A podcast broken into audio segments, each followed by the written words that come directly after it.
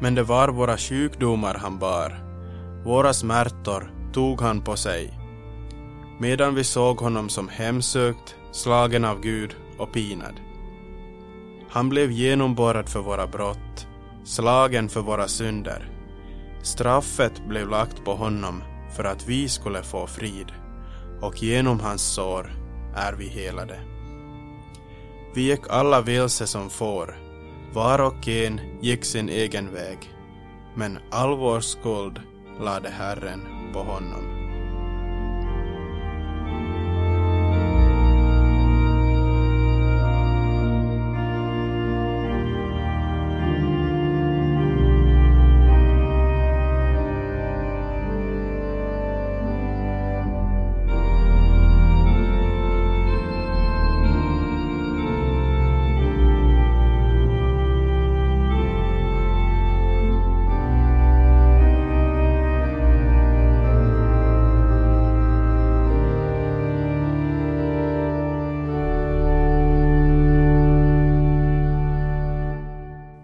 Välkommen med till GF-podden igen. Idag så har vi långfredag. Och vi ska idag låta texterna tala för sig själva om vad Jesu död har för betydelse för oss. Ni hörde orgelmusik av Robin Heikkilä här i början. Och jag har med mig Lennart Talvik här. GF-podden är en Radio LFFs podcast som riktar sig till ungdomar och unga vuxna. Mitt namn är Kevin Nyfeldt och jag är ansvarig redaktör för GF-podden. Ja, Lennart. Långfredagen här står för dörren och, och vi har Jesu död som, som vi får betrakta. Varför har just Jesu död betydelse för oss och inte någon annans död? Ja, det här är ju nog en, en viktig fråga i och med att Jesus var ju inte den enda som blev korsfäst. Det var två rövare som blev korsfäst med Jesus och vi vet också att romarna korsfäste tusentals brottslingar. Så att nu är det en viktig fråga att varför just Jesus? Mm. Och jag tror att Bibeln ger många svar på varför Jesu död har betydelse och vad, vad, vad som är unikt med Jesu död. Men jag tänker att det finns åtminstone tre saker man skulle kunna lyfta fram idag som eh, vi kan säga överbevisar oss om att Jesu död har betydelse för, för oss, för mig och för dig och, och att Jesus död har åstadkommit eh, försonat våra synder. Genom hans blod har vi syndernas förlåtelse. Och det första det första som jag skulle vilja lyfta upp är det vad gamla testamentet säger. Om vi läser gamla testamentet så märker vi att där finns så många olika profetior och förutsägelser om Jesus. Vissa av dem är, är kanske inte så jättedetaljerade men andra så kan vara är väldigt detaljerade och säger, säger ganska exakt vad som, vad som äh, skulle hända med Jesus. Och det här finns alltså, jag vet inte, säkert hundratals profetior. Jag har inte räknat dem, men, men eh, en av dem som är kanske mest tydlig är, är det som vi läser i Jesaja kapitel 52 och 53 om, om Herrens lidande tjänare. Och det här är ju någonting också som citeras i Nya Testamentet om, om Jesus. Och i det här äh, stället från Jesaja så äh, beskrivs Eh, väldigt tydligt om den här Herrens lidande tjänare som, som, som, som skulle komma. Och, och jag tycker det passar så det, det, passar så perfekt in på, på det som Jesus gör på korset. Kanske du kan läsa, läsa den Kevin, Jesaja 52 och 53. Ja. Vi stillar oss och läser i, i Jesu namn med börjande från 52, vers 13. Se min tjänare ska handla vist. Han ska bli hög och upphöjd, mycket hög. Liksom många häpnade över dig, så ska hans utseende fördärvas mer än människors, och hans gestalt mer än Adams barn. Så ska han bestänka många folk. Inför honom ska kungar förstummas, för de får se något som aldrig berättats för dem och förstå något de aldrig har hört. Vem trodde vår predikan? För vem blev Herrens arm uppenbarad? Som en späd planta sköt han upp inför honom, som ett rotskott ur torr jord. Han hade varken skönhet eller majestät när vi såg honom. Inget utseende som vi drogs till. Han var föraktad och övergiven av människor, en smärtornas man och förtrogen med lidande. Han var som en som man kylar ansiktet för, så föraktad att vi inte respekterade honom. Men det var våra sjukdomar han bar, våra smärtor tog han på sig, medan vi såg honom som hemsökt, slagen av Gud och pinad. Han blev genomborrad för våra brott, slagen för våra synder. Straffet blev lagt på honom för att vi skulle få frid, och genom hans sår är vi helade. Vi gick alla vilse som får, var och en gick sin egen väg, men all vår skuld lade Herren på honom. Han blev misshandlad, men han ödmjukade sig och öppnade inte sin mun. Som ett lamm som förs bort för att slaktas, som ett får som är tyst inför dem som klipper det, så öppnade han inte sin mun. Genom våld och dom blev han borttagen. Vem i hans släkte betänker att när han rycktes bort från det levandes land blev han plågad på grund av mitt folks brott. Han fick sin grav bland de ogudaktiga, men var hos en rik vid sin död. För han hade inte gjort något orätt, och inget svek fanns i hans mun. Det var Herrens vilja att slå honom och låta honom lida. När du gör hans liv till ett skuldoffer får han se avkomlingar och leva länge. Och Herrens vilja ska ha framgång genom hans hand. Genom den möda hans själ har utstått får han se och bli tillfreds. Genom sin kunskap förklarar min rättfärdige tjänare de många rättfärdiga och han bär deras skulder. Därför ska jag ge honom de många som hans del och de starka ska han få som byte eftersom han utgav sitt liv i döden och räknades bland förbrytare. Han som bar de mångas synd och gick in i överträdarnas ställe. Amen.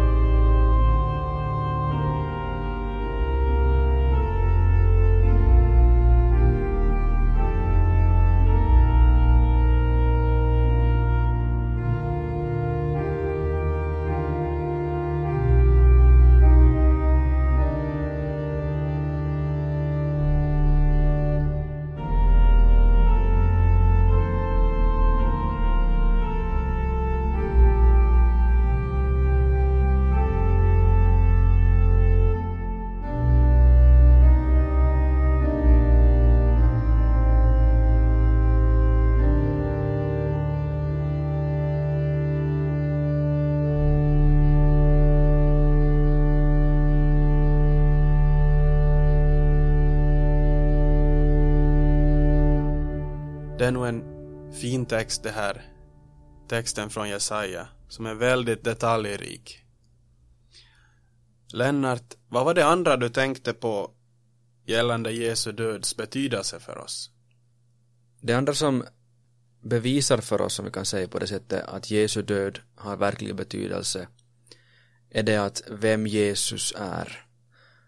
Det är det att han, han är ingen vanlig människa, utan han är Gud och människa. Han som är Gud från evighet blev människa eh, för vår skull. Det här talar Bibeln om. Jesus antog mänsklig natur. Han blev lik oss i allt, fast utan synd. Och eftersom han är människa och Gud så kan han frälsa oss. Alltså hans död är mer än en vanlig människas död. Och det här att Jesus är Gud och människa, det är, så, det är så stort att vi kan inte riktigt förstå det med våra förstånd. Men det är, som, det, är det som Bibeln äh, säger för oss. Och det, det, är också intressant hur det sägs på ett ställe i Bibeln, i Apostlagärningarna, att Gud har köpt oss med sitt eget blod. Mm. Alltså Jesu blod som han utgjort på korset kallas för Guds blod. För han är sann Gud och sann människa. Och det är det, med det här blodet som han, som han har friköpt oss. Nu tänkte jag läsa från ett av evangelierna om Jesu lidande.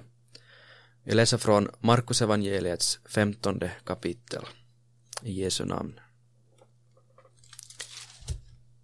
Redan tidigt på morgonen tog översteprästerna sitt beslut tillsammans med de äldste och de skriftlärda, hela Stora rådet.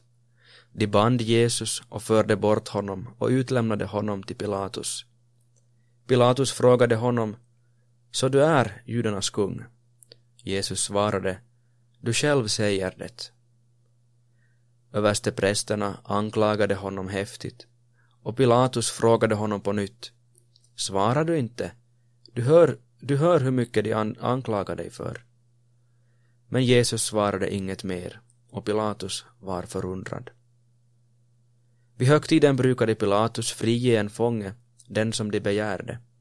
Där fanns nu en man som hette Barabbas.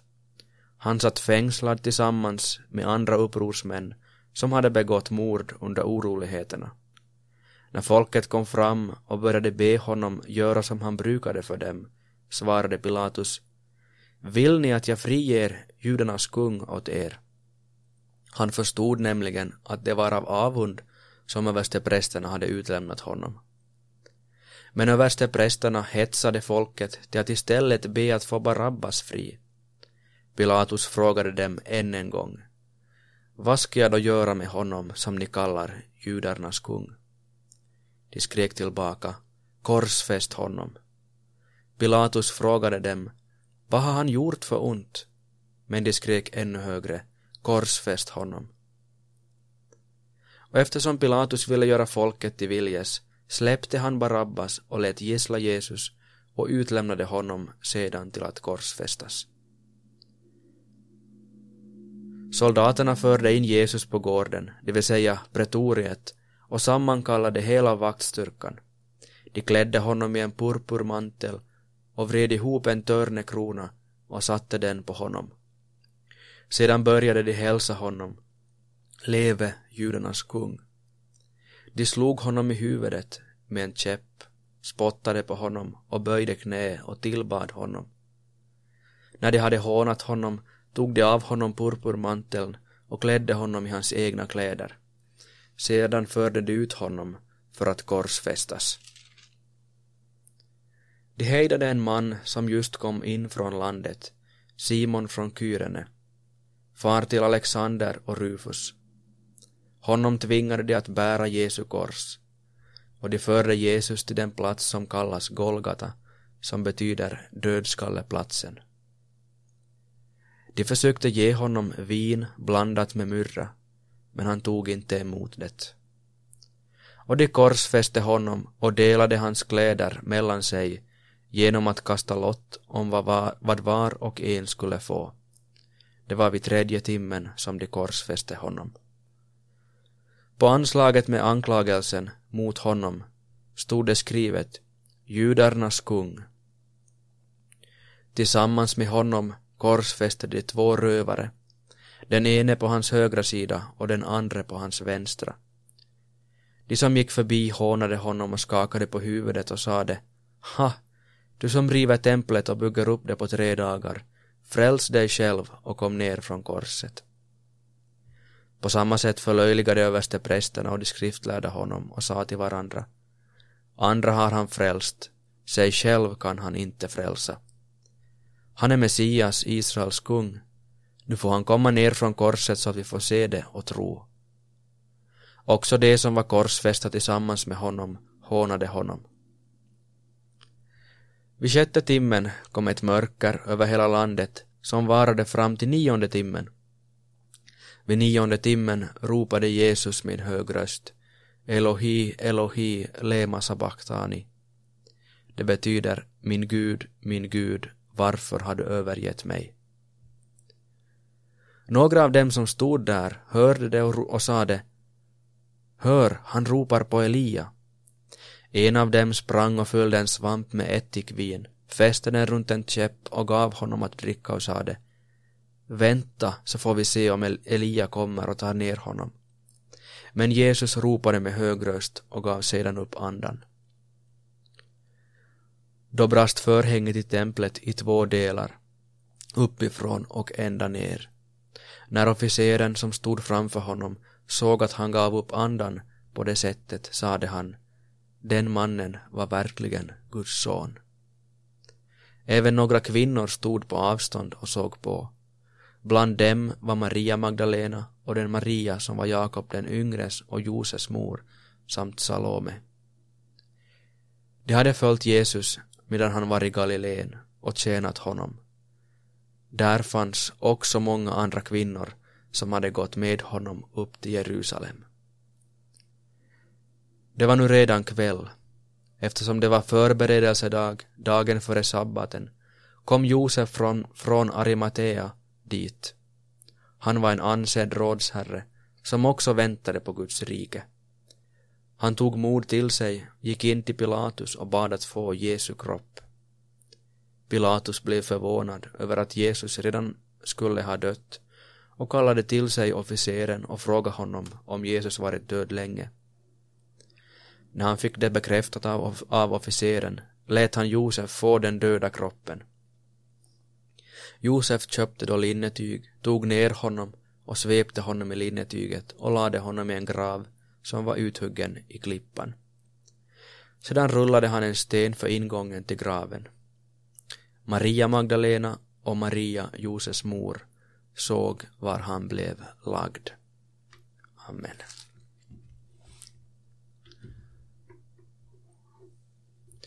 Här i slutet av den här beskrivningen som Markus ger i sitt evangelium så kan man som läsare riktigt känna av hur uh, det kommer en fortsättning. Det, det lämnar en spänning i luften i och med att de här kvinnorna, Maria Magdalena och Maria Josefs mor, de ser var Jesus blev lagd, var han blir begraven. Om, om, när vi sen läser vidare i evangeliet och när vi tar del av påskdagens budskap att Jesus har uppstått från graven, då märker vi att det var det här som, det som han ville ännu skriva om, om uppståndelsen från de döda. Den tredje, den här tredje saken som talar för att Jesu död på korset var unik är just hans uppståndelse på tredje dagen. Alla andra som har blivit korsfästa, de har lämnat i sina gravar. Men det finns en som sen har uppstått och det är Jesus Kristus. Hans uppståndelse bevisar att Gud har sett till honom, att Gud har sett till det offer som, som Jesus Kristus bar fram eh, på korset. Vi ska inte tala mer om uppståndelsen idag på långfredagen, men jag vill ge ett tips till er som lyssnar att, att om ni vill äh, fundera mer på uppståndelsen så, så läs i, i bibeln om, om vad i slutet av de här evangelierna om de här uppståndelseberättelserna. Och sen kan jag också tipsa om en artikel som Kevin har skrivit nu i senaste numret av Sions missionstidning där han skriver om, om att Jesus verkligen uppstod kroppsligen från de döda. Och vilken betydelse det här har för, också för oss och vår kroppsliga uppståndelse på den, på den yttersta dagen. Så de här tre äh, starka bevisen för Jesu död visar på att han med sitt lidande och död på korset äh, verkligen har försonat våra synder, försonat oss äh, med Gud. Att vi genom tron på honom har förlåtelse för våra synder. Vi har evigt liv, vi har frid med Gud. Och det får vi också idag vara tacksamma för när vi, när vi det här på långfredagen minns Jesus Kristus och hans lidande. Har du Kevin något no sista ord eller någonting du vill dela med dig av? Ja, för långfredagen så finns det en högtidsbön som du Lennart gjorde mig påmind om, så den tänkte jag att vi kan läsa. Herre Jesus, du Guds lam som tar bort världens synder. Vi tackar dig för din stora kärlek till oss arma syndare, att du för vår skull ödmjukade dig och blev lydig ända till döden, ja döden på korset. Du bar våra sjukdomar och tog på dig våra smärtor. Du lät straffet läggas på dig för att vi skulle få frid, och genom dina sår är vi helade. Vi ber dig, visa oss, Herre, vår stora synd och gör oss av hjärtat botfärdiga. Rena oss genom ditt dyra blod och utplåna hela vår skuld. Hjälp oss genom din död att dö från synden och ta vårt kors på oss och följa dig. Bevara oss i din gemenskap så att vi med alla som har övervunnit i kraft av ditt blod till sist får evigt lova och prisa, tacka och ära dig. Amen. Amen.